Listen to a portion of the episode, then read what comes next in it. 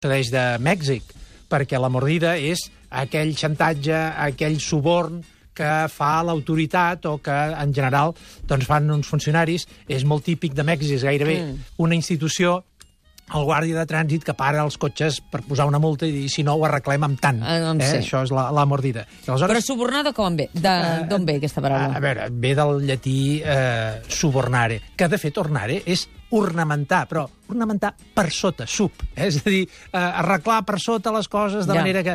Llavors, clar, si parlem de mordida, com es diu en català? Home, és un suborn. Però jo et diré algunes paraules en català que són més específiques. Per exemple, de subornar ve una expressió més col·loquial que és ensubornar, ensubornar, i que ha derivat d'una manera així per la via col·loquial en mm. ensibornar. No t'han ensibornat mai, a tu? No. una, és una expressió viva, eh? És no, no m'ho invento, eh? eh? És una paraula coneguda, que vol dir entabanar, ensarronar, aixecar la Entabanar camisa... sí que m'han entabanat molts cops. I Doncs- engalipat i ensarronat, sí. Doncs vol dir que M'han aixecat la camisa que t'han Oh, segur, tant. perquè, és el mateix. Van ensibornar els treballadors amb promeses que després no van complir. Sí, sí. Ensibornar, I el més curiós que ve de subornar, eh? Ensubornar, ensibornar. Una que t'agradarà, eh, els untets. És a dir, de la mateixa manera que en, en català, en castellà, eh, subornar té l'expressió col·loquial i molt plàstica, molt metafòrica de untar. És a dir, mm, fluidificar una cosa perquè Ja. aconseguir favors, aconseguir alguna cosa que per via de, de la compra, de les voluntats, amb diners, amb regals, doncs untar. Aleshores, hi ha una expressió en català que, que és molt nostra, que són els untets. Els untets és una cosa que serveix per untar, però els untets és diners o regals que serveixen per corrompre.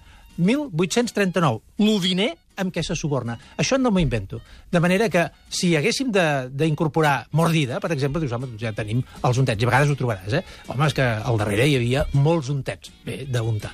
I ara acabo amb una que a mi m'ha sorprès. Jo sempre dic que el primer que aprèn coses sóc jo. Mm. Hi ha una paraula que jo la tinc incorporada de petit i que per mi és molt normal, que és la repartidora.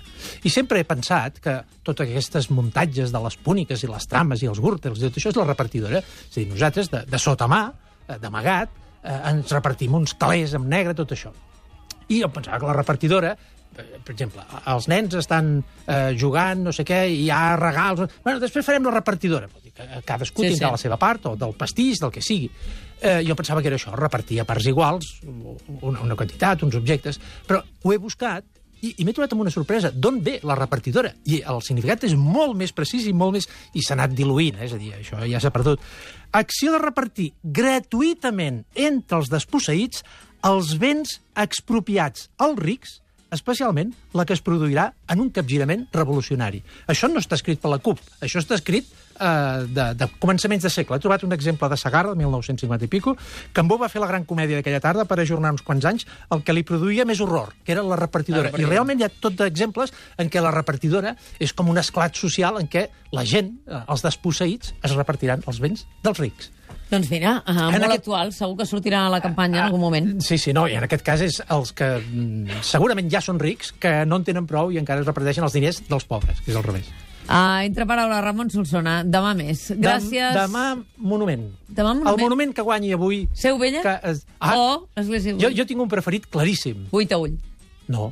La Seu Vella. Però sóc militant... Eh, Àlex, Àlex de- Gutiérrez, de la avui se sabrà quin és el monument eh, que han triat els ciutadans d'aquest país a través de descobrir de la tribu de Catalunya Ràdio. I ara la cosa està entre dos finalistes, que és la Seu Vella de Lleida i l'Església de, de, Ull, de Vuit a Ull. Quina, quina triaria, Àlex Gutiérrez? Jo crec que me'n vaig per Taüll, eh? Jo també. Mònica Planes, també. Sílvia Comet? Jo igual la seu, eh? Au, ja tenim empat. És que ella és de Lleida. A mi, Ah. jo tinc el cor molt dividit, eh? Molt Jo no, dividit. jo És difícil, eh? Tinc una, Una gran estona- simpatia per la comarca. per Una estona al claustre Taüll, de la Seu Vella de eh, Lleida i pots però- viure bastant temps, eh? Però la Seu...